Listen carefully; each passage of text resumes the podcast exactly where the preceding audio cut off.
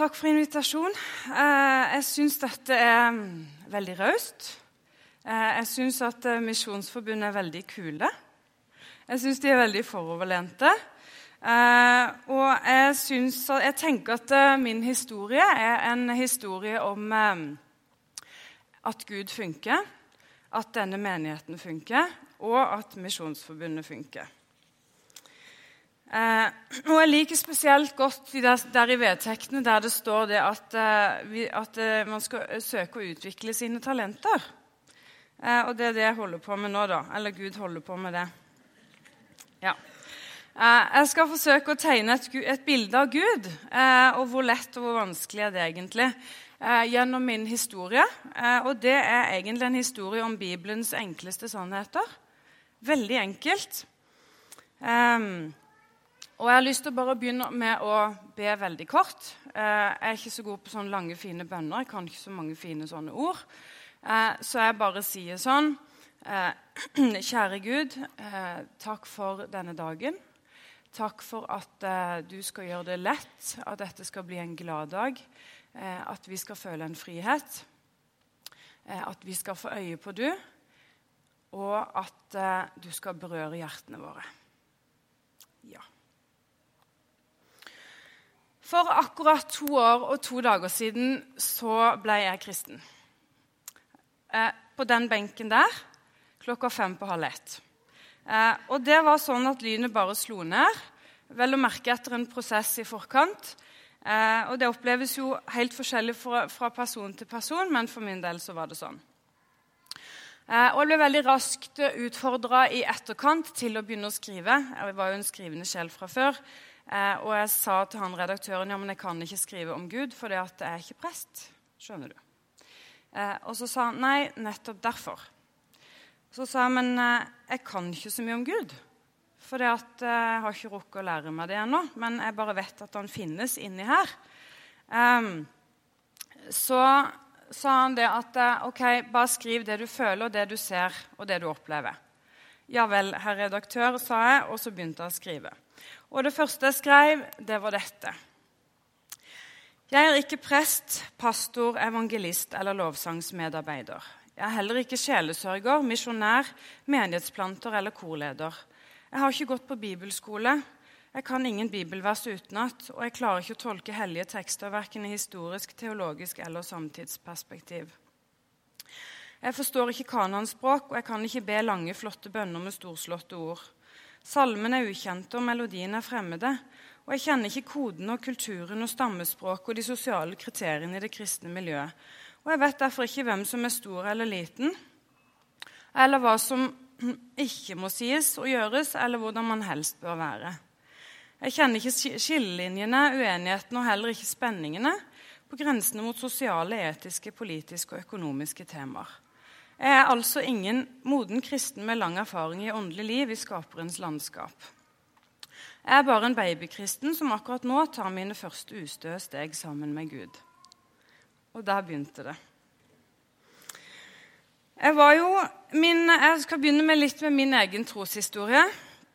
Eh, jeg var jo veldig negativt innstilt til kristne.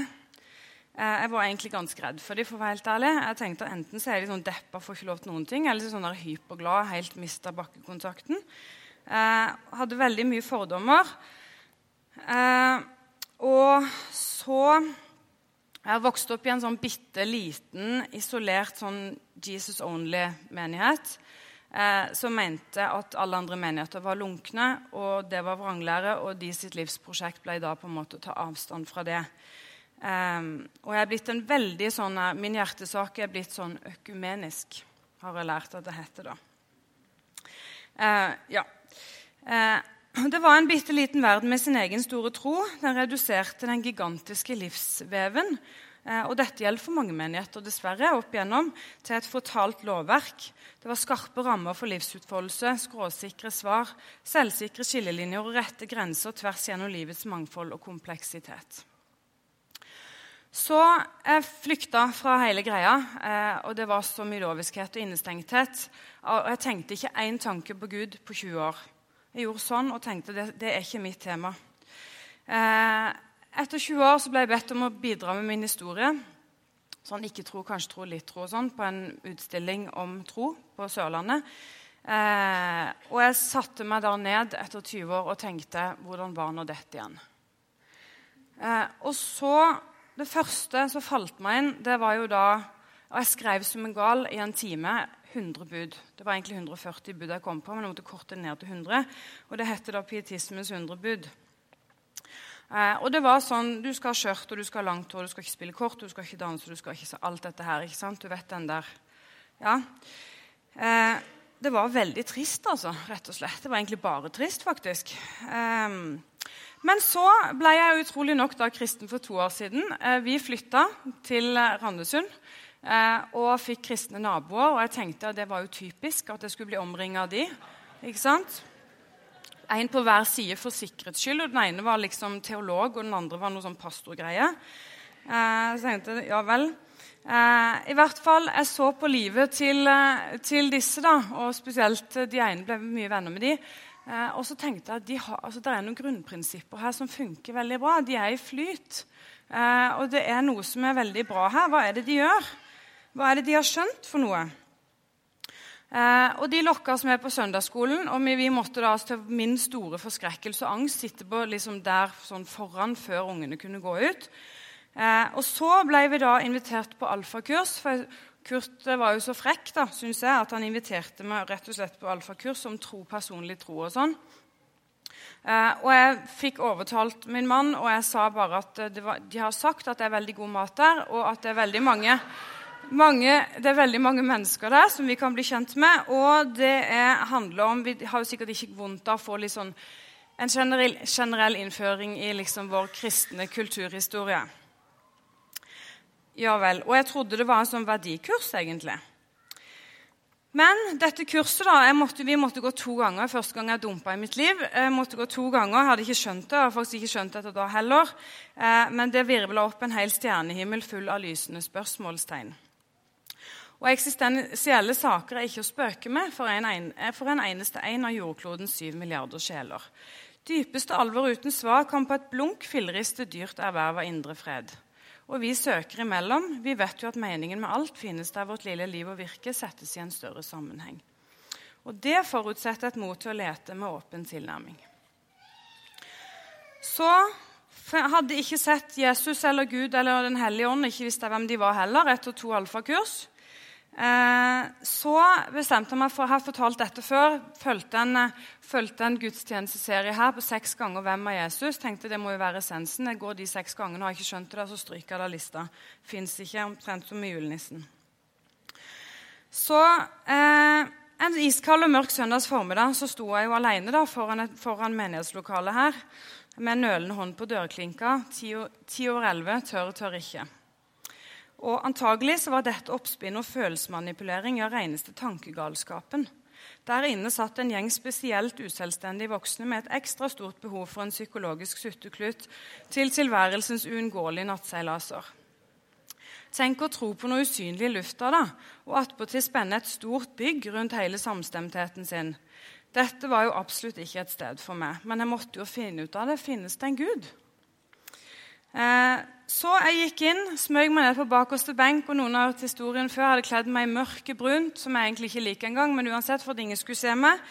Eh, og så satt jeg jo der og grein på bakerste benk på fire søndager på rad. Eh, og jeg var så, jeg tenkte fortell, fortell den der synginga og beinga, Det skjønte jeg ikke helt, men fortell, fortell. Dette må jeg bare forstå. Eh, og så ble jeg bedt for, eh, og så så jeg lyset. Eh, og det var jo en helt konkret eh, opplevelse. Og ehm, jeg så vei, jeg så mennesker som har sagt ting til meg og fortalt ting til meg om kristendom, som jeg plutselig kom opp som et bilde. Eh, og jeg gikk hjem da med en ny himmel over livet mitt og hjertet fullt av gull og lys. og jeg hadde en følelse at jeg holdt på å vinne i Lotto hele tida. Liksom. Ikke sant? Det var jo helt fantastisk. Eh, Og så fikk jeg et ord. Se, jeg gjør noe nytt. Nå spirer det fram. Og så har jo da mange spurt eh, hva var det du første du så i livet ditt som kristen. Eh, og det føltes nesten som om jeg landa i et sånt fremmed land med fly. altså bare sånn flydroppa et sted. altså Et eller annet du bare har noen få assosiasjoner til. Men det første jeg la merke til, da, det var jo det at, eh, at kristne mener at det er jo en oase av myldrende liv og aktivitet. Og det er jo helt vilt. ikke sant? Det er jo sånn der kristen ADHD, på hei, liksom kollektiv ADHD. Um, og alt handler jo om å spre Guds ord til flest mulig. Uh, og det er jo et eldorado for de som vil bruke sine ulike talenter. Og det var liksom et enormt aktivitetsnivå. ikke sant? Og det var jo liksom alfakurs, og det var alfagrupper, det var gudstjeneste og adventssamlinger og barnekor og søndagsskole og musikkskole. og Menighetsmøte, årsmøte og strategiutvalg og konferansekomiteer og samlivsarbeid og Ekteskapsviken. Og det var mannsforum og kvinneforum og familieviken ungdomsarbeid og barnearbeid og sjelesorg og bønnekvelder og bibelgrupper og rusomsorg og misjonsseminarer og misjonsprosjekter. Og det var julemesse, og det var basar og småbarnstreff og innvandrergrupper og speider og vennegrupper og matutdeling. Og så, etter en stund ganske, så bevegte jeg meg ut og fant ut at det finnes jo flere menigheter, det finnes flere kristne arenaer. Dette er jo fantastisk, Gud og Jesus er jo overalt. Um, så fant jeg, Det finnes jo sånne tverrkirkelige tiltak da, på toppen av det hele. Eh, sånn som fellesmøter ikke sant? og kvinnekonferanser, mannkonferanser og bønnegrupper for byens kristne ledere. Og Bønnens hus og bibelkurs. Og nasjonalt da, så er det jo da familieleirer om sommeren, og det er bønnekampanjer og tverrkirkelige råd. Og bibelskoler og kristne barnehager og grunnskoler. Og, eh, og internasjonalt da, så er det jo et utrolig antall misjonsprosjekter. Det har jo ingen ende rundt omkring i hele verden. Eh, og det er sosiale medier. og det, altså, du, du, kan jo få det overalt. Og, ja, i Det hele tatt. Det var jo helt vilt. Det er jo et eventyr, egentlig. Det er bare et fullstendig eventyr. Og jeg ble jo med på alt, selvfølgelig. og ble, det ble veldig travelt å være kristen, skal jeg bare si dere. Jeg, egentlig kan jeg ikke huske helt hva jeg drev på med før, men jeg hadde egentlig ganske mye å gjøre før òg. Men ja. Og så er det sånn at når man blir kristen som eh, voksen, Eh, og jeg syns nettopp at jeg hadde blitt ganske klok, egentlig. Eh, og hadde forstått en del sånn grunnleggende ting i livet. Eh, så skjer det sånn paradigmeskifte i hodet, hvor en må tenke liksom på en måte alt på nytt igjen. Vi mennesker vi kikker jo etter meningen. ikke sant? Vi analyserer og sammenligner og forsøker, forsøker, å forstå det grunnleggende systemet her i verden og i livet. Og disse ytre rammene som alt skal forstås innenfor. Eh, og For meg som allerede skrev om livet og samfunnet og mennesket, så ble jo dette helt voldsomt. Altså. Det jo, holdt jo på å eksplodere opp i hele hjernen min. Eh, og jeg fikk jo en sånn himmel en ny dimensjon over alt jeg tenkte på. Eh, og det å ha som bakgrunnsbilde at vi er Guds skaperverk, det ga jo en helt ny dimensjon og et nytt rammeverk. Og Livet fikk liksom den riktige dybden og høyden og bredden. og det var liksom sånn at Opp ble opp og ned ble ned. Eh, og jeg skjønte jo at eh, de kristne har sin primære tilhørighet i Guds annerledesland, med hellige idealer og kjærlige livslover. Altså, man lever i én kultur og har innsida full av en annen. Det kan være en krevende øvelse som forutsetter en kontinuerlig våken bevissthet rundt identitet, tilhørighet, prioritering og livsstil, verdier, idealer og mål. Så jeg skrev, kjære Gud, hva mener du egentlig om alt? Er det mulig å laste ned en hellig fil? Og konvertere den til livet mitt. Eller aller helst installere et åndelig operativsystem som behandler alle saker fullkomment. Et splitters nytt indre paradigme med plass til all verdens kartlegging. Med fullkommen innsikt, oversikt og utsikt. Jeg er underveis, da. Eh, og så skjedde jo det villeste og det mest spennende av alt. og det var det at Jeg fikk en bok av naboen som handla om Guds plan med mitt liv. ikke sant? Og Da holdt jeg jo på å eksplodere. for det, det, altså det jo helt vilt! ikke sant? Gud har en plan med mitt liv. Det er jo helt utrolig vilt. Hvorfor har ingen sagt det før? Ikke sant? Jeg som har den CV-en og coaching og full pakke, ikke sant? trenger jo ingenting. Gud har en plan for livet mitt. Eh, så jeg kjørte jo rundt. Jeg ble jo helt vill på den ideen, så jeg kjørte jo rundt til alle sånne som jeg trodde hadde vært kristne lenge, for jeg tenkte at de hadde en veldig sånn velutvikla sånn ekstra rød linje, sånn kommunikasjonslinje rett til Gud, så de fikk svaret med en gang. og sånn. Så jeg kjørte rundt og spurte vet du hva Gud mener er min plan med mitt liv. og jeg fikk jo lite svar, da. Eh, og jeg så ikke skriften på veggen, jeg så ingen brennende ildbusk. Jeg fikk ingen steintavler i posten, og jeg fikk heller ikke mail fra Gud med sånn kvartalsplan. På, derfor så ble jeg meget lydhør istedenfor. Eh, og det var vel egentlig det det kom ut av det, og det har funka bra. Og så hørte han ferdiglagte gjerninger. Eh, og så tenkte jeg hva skal jeg med det? Jeg sa til hun der sjelesørgeren min hva skal jeg med det? Hallo, jeg har jobba med det. Jeg er jo en dødsgod strateg. Så sa hun bare tørt. Ja, Gud er en enda dødsgodere strateg. Ja vel. Så da var i grunnen den parkert. Eh, og jeg har etter det faktisk bare overlatt det der til Gud, altså. Eh, og så fikk jeg en sånn profeti om at Gud skal åpne enorme dører for deg.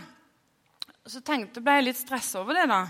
Og så, så, sa jeg til henne ja, men hvordan skal jeg takle det.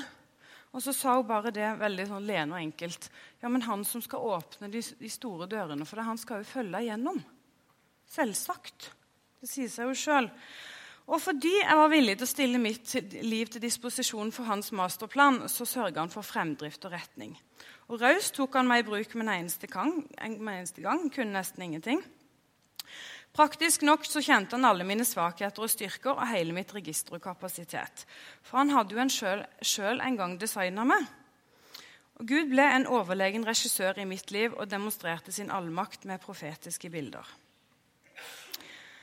Og jeg hadde jo allerede et eh, kjent engasjement for morsrollen og familien på den tida. Eh, og da jeg ble kristen, så opplevde det som om mine verdier fikk et hjem. Eh, så da jeg, da jeg, hadde vært kristen i tre uker, så sto jeg på talerstolen på en sånn der verdipolitisk ja, konferanse. Sånn kristen verdipolitisk nasjonal konferanse. Jeg skulle holde min første tale. Eh, og så kom jeg plutselig til å tenke på at ja, men kanskje Gud mener noe annet enn det jeg gjør. Så da spurte jeg jo Jan Olav om det. Hva skal jeg gjøre med det? For jeg rekker jo på en måte ikke å skrive om alt det nå på tre uker. Ikke sant? Fordi at, ja. Eh, så sa han bare veldig sånn raust og rolig at eh, det går sikkert helt bra. Hvis du sier noe som ikke er helt riktig, så kan du bare rette det opp en annen gang. Så tenkte jeg ja, pastoren har sagt det, da er det sikkert sånn. Så eh, det endte jo med altså at det ble på en måte, det var jo, disse, det var jo 40 foredragsholdere. og Det er jo alle de store navnene. Du ser minister og alle disse her. ikke sant? Du ser på TV. Jeg ble årets taler. Eh, og, og, jeg ble da på en måte sånn kristenkjendis. For at alle de der eh, kristne mediene ikke sant? de bare, bare omfavna meg fullstendig og trykte denne talen. ikke sant? Og det var jo ikke måte på. Eh, så det der å plutselig bli sånn omfavna, da, det var jo eh, veldig sjokkerende, egentlig. Og jeg har i grunnen vært konstant sjokkert helt siden jeg ble kristen, faktisk. For ja, det åpna i hvert fall engasjementet, det åpna masse dører for mitt engasjement helt til topps mange steder. Eh, og jeg ble òg da foredragsholder, blant annet. Og, og så, et, til min forskrekkelse, da, så har jeg registrert at jeg har blitt evangelist. Um, og jeg har, og jeg har da liksom mobillista full av kristenledere. Det er helt å bli forskrekka over hele tida, altså. Um, og så ble jeg intervjua i eh, eh, i en bok av en religionsforsker da, som kommer nå snart, at det er et sånn nytt grasrotopprør på gang i Norge. da, Hvor det er nye kristne stemmer som reiser i den offentlige debatten og, til, eh, og snakker om, eller forsvarer da, etiske løsninger og familien og valgfrihet osv. Eh, og min tale var sånn den uttrykte kjernen i dette best. Da. Så tenkte jeg all verden, du verden, så mye. Det der med de ferdiglagte gjerningene, det stemte. tenkte jeg bare da. Det er helt sant at det fins. Eh, og da hadde jeg vært kristen i tre måneder, så ble jeg invitert på eh, til Jesuskvinner. Det er jo akkurat som Kvinner i nettverk, liksom. Eh, bare eh, i Oslo. Eh, sånn tverrkirkelig greie. 9000 damer over hele landet. Så ble jeg invitert dit. da, dit da Hun ringte meg og spurte om, om jeg kunne holde innledningen på åpningsgudstjenesten i Oslo domkirke. Og jeg tenkte hva er Oslo, hva er domkirke? Men eh, samme det. Eh, så skulle jeg til å si ja, men jeg er ikke prest, så jeg kan jo ikke det. Men så kom jeg på det der som eh, naboen hadde sagt. Ilmai, du trenger bare tro som et barn. Så kom jeg på det. Så da sa jeg bare det at selvfølgelig. Det stemmer jo, ikke sant? Det er logisk. Um, så jeg tenkte sånn OK, Anne er kristen. Anne Kristiansen er kristen. Hun har spurt meg om å holde en innledning. Uh, da, siden hun er kristen, da er det sikkert Gud som har spurt om det. Hvis Gud har spurt om det, trenger ikke manus, for Gud har tenkt på hva jeg skal si. Ikke sant? Jeg bare går fram, gaper opp. Det handler om å være Man skal jo være lydig, ikke sant? Altså, Så enkelt er det når man har vært kristen i tre måneder. Det er ingen motforestillinger. Um, men iallfall, jeg gjorde det, da. Uh, og Gud passa tida på akkurat på minuttet. Noen ganger gjør han det, andre ganger ikke. og Jeg aner ikke egentlig helt hva jeg sa, men uh, i hvert fall så sa jeg at Paulus gikk på vannet. Uh, og 700 mennesker i Oslo domkirke lo. Så ja da, det gjør ingenting. Også når jeg satte meg ned, så delte de ut denne, denne prisen for Årets Jesuskvinne 2013. Og den fikk jeg. Ikke sant? På grunnlag av mitt engasjement for morsrollen og disse tingene her. da. Så tenkte jeg all verden, har de, har de pris, Går det an å få priser òg? Så det, det, vil jo ingen ende ta. ikke sant? Så Nå går jeg liksom rundt og sier til alle sammen at du, du burde bli kristen. Det er helt vilt. Ja. Du aner ikke hva som kan skje. Men det var jo ikke bare fest og basar, da. Det var jo, altså Kristenlivet der ute er jo drevet av kristenlivet der inne. Um, og jeg har da prøvd å skrive noen ord om, om sånn helt personlig hvordan det foregikk. da. En ny undrende tørst førte til en søken mot mer kunnskap om Gud. Hvordan var denne Gud jeg hadde sluppet inn i mitt liv som herre? Og hvem var egentlig Jesus, og hvordan virket Den hellige ånd? Men en daglig overgivelse åpna for Guds påfyll til en sulten sjel. Bibelen forklarer meg kristenkonseptet og Guds fantastiske annerledesland, men det var ikke helt lett allikevel å forstå. Intim bønn ble et jevnlig møte i en spennende sfære. Jeg følte på en kontinuerlig dragning mot samvær med denne nye tilstedeværende kraften i livet mitt. Og jeg oppdaget jo tusenvis av bøker. Det var helt fantastisk. Det er jo et eldorado. Og Min nye tro ble jo mitt favorittema. Jeg bare måtte snakke om det overalt hvor jeg kom. Eh, og en åpenbarelse av Guds kjærlighet traff meg som en overraskende tsunami. Den blåste vekk lokket jeg hadde lagt over mine dypeste sår. En indre helbredelsesprosess begynte, hvor Gud sjøl reiste meg varsomt opp, så jeg ble mer og mer lik den unike, fullkomne originalutgaven han hadde av meg på tegnebrettet. Prosessen fortsatte sammen med en sjelesørger som plukka steiner ut av barndommens ryggsekk, forbandt gjemte og glemte indre sår, fjerna bitterhet og viste veien til tilgivelse. Gamle usannheter om livet lært av uopplyste mennesker på ulike tidspunkter og steder ble oppklart og oppløst og erstatta med Guds sannheter.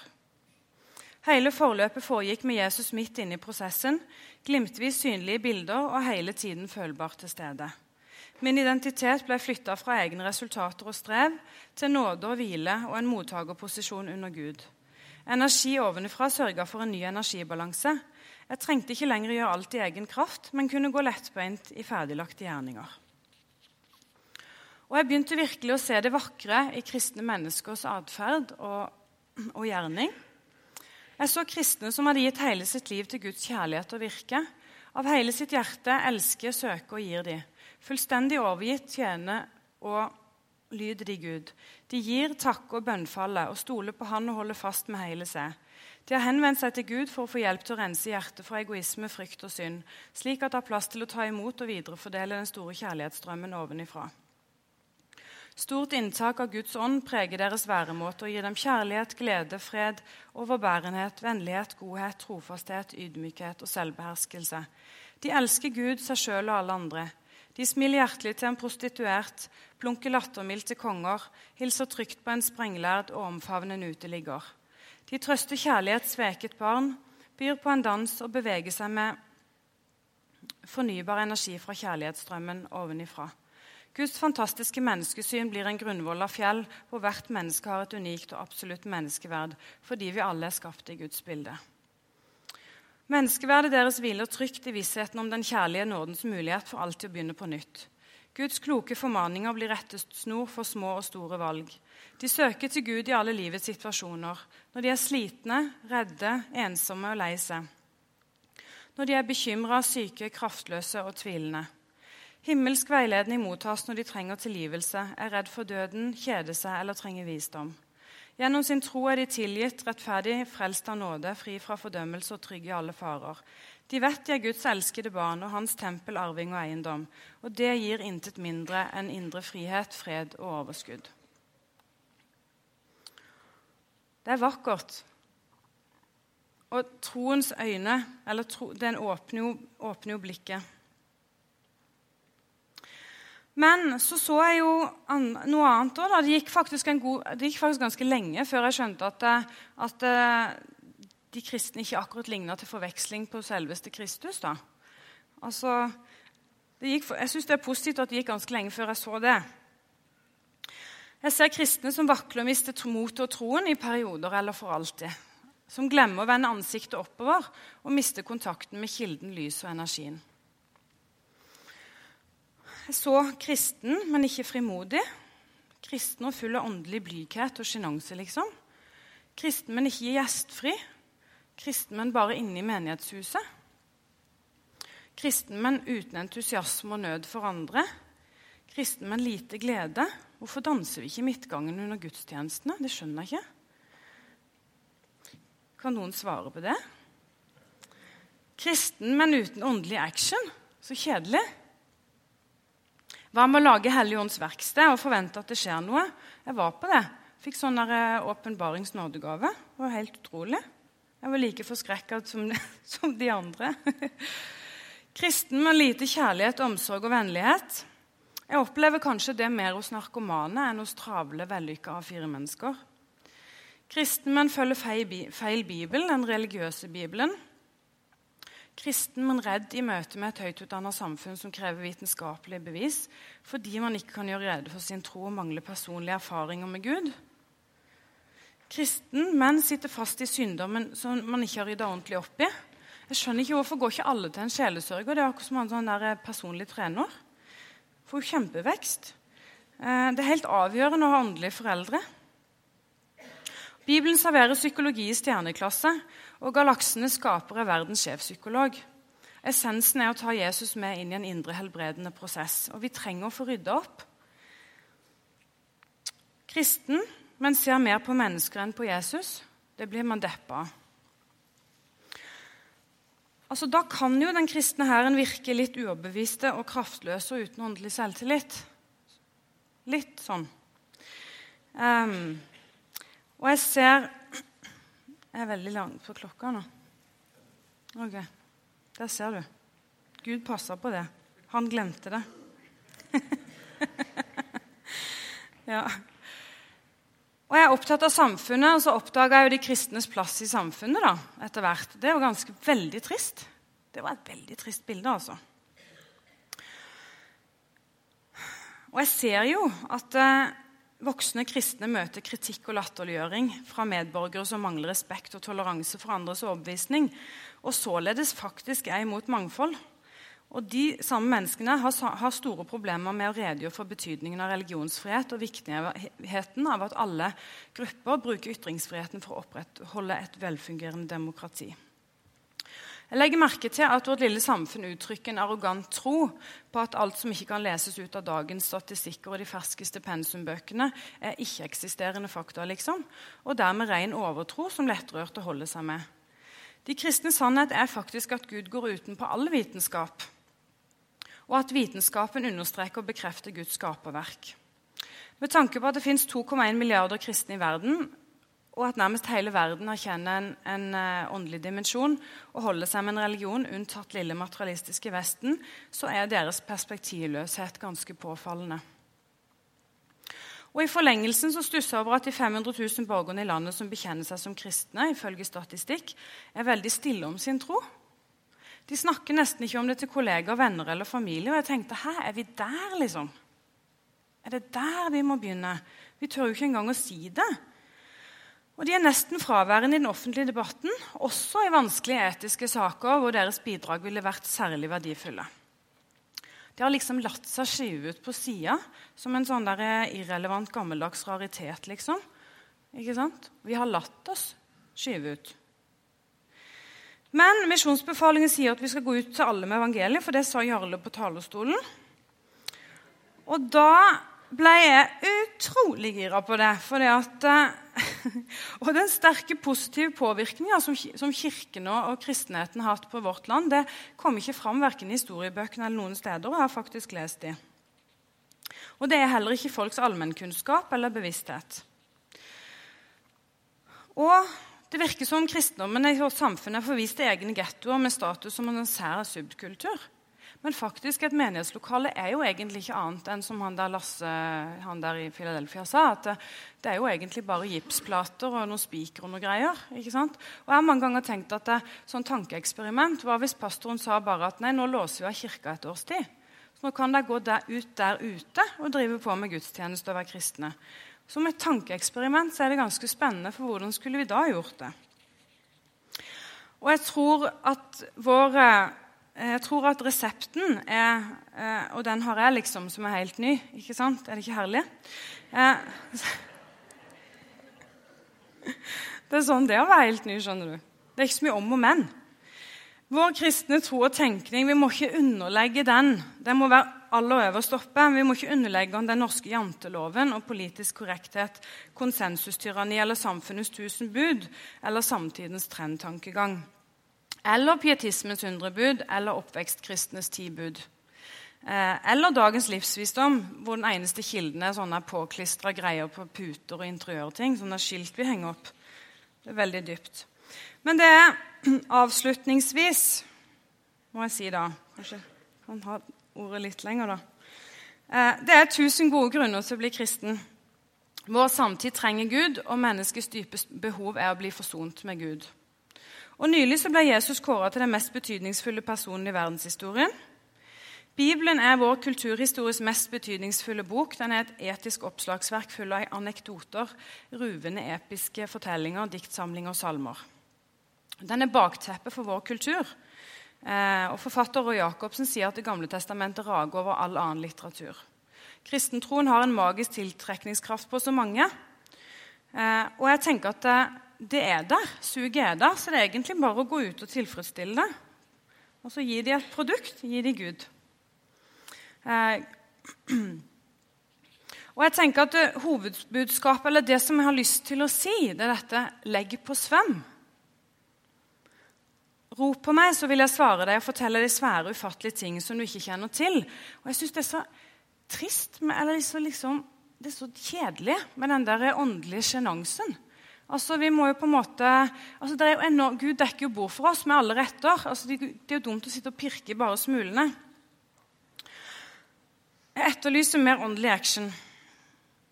Og så er det den der med Guds oppsyn. Hvordan får vi til det? Jo, den der, vet du, Be, så skal dere få. Nettopp lært den. Be, så skal dere få. Let, så skal dere finne. Bank på, så skal det lukkes opp for dere. Ikke sant? Den kunne jo dere. Eh, altså, Det er sånn det. Du må søke det, altså Kom ikke deisende ned i fanget hvis du på en måte ikke har spurt. Altså sånn, du må liksom søke det, holde fokus den veien. Og så fikk jeg en sånn der salme da, til, til, i dag. Gud, skap i meg et rent hjerte. Gi meg en ny og stødig ånd. Gi meg igjen gleden over din frelse. Hold meg oppe med en villig ånd. Og jeg tenkte på det at Vi er jo rett og slett kun, kunstverk, designa av Gud. Så skal jeg avslutte med å lese en, en, en, eh, tekst. Og det er helt sant at det da er avslutning. Bibelen lover at jorden skal bli fylt med kunnskap om Herrens herlighet. Det betyr at du kan få øye på ham, og jeg skal forsøke å vise deg hvor. Jeg vandrer hver dag rundt i hans fantastiske skaperverk og iakttar det med ærefrykt. Der tegner det seg et bilde, et mesterverk så storslått og mektig, så fantastisk og fortryllende, det vakreste jeg noen gang har sett. Jeg blir nesten slått over ende og stirrer måpen og målløs. Det rommer hele verden og alt som i den er. Historien i linjer fra Eva til evighet. En uendelig palett med dybder uten bunn, nyanser og overganger, både sømløse og brå. Linjer på kryss og tvers, fullkommen balanse og uforklarlig harmoni. Et gåtefullt mønster og en perfekt komposisjon. Det er laget av luft og jord og vann, skyggelagt av skimrende lys og utgrunnelig mørke. Jeg ser massive felter av fjell og stein og tre og metall. Jeg skimter lyse striper og kister med gull og glitter. Jeg ser brede penselstrøk av kjøtt og blod og sjel og ånd. Så oppdager jeg lag på lag med slekters gang og uendelig avtrykk av kropp og tanke, intellekt og hjerte. Tydelig riss av tillit og redsel, aksjon og avmakt har laget riper i de mangfoldige sjeler. Jeg ser hengivenhet og avvisning og såre spor etter basketak mellom godt og vondt. Jeg får øye på merker etter arbeid og hvile og kontraster av boblende fryd og tunge stunder. Overalt er det overdryssa med noe for alle sanser. Smaker og dufter, toner og teksturer, kulører og nyanser. Spent over det hele er barndommens regnbuer, skiftende skyer og en uendelig himmel. Og rundt det kulerunde kunstverket svever stjerner og planeter og sol og måne like magnetisk fascinert som meg. Han som har skapt mikrokosmos og makrokosmos, demonstrerer kontinuerlig sin overlegne allmakt. Perfekt estetikk, uendelig kreativitet og fullkommen IQ. Forskning i alle fag bekrefter Bibelens sannheter fordi, fordi Gud går utenpå all vitenskap. Han har jo sjøl skapt matematikken og fenomenene som stadig forsøkes kartlagt og forstått av små, begrensa menneskehjerner med krye akademiske grader.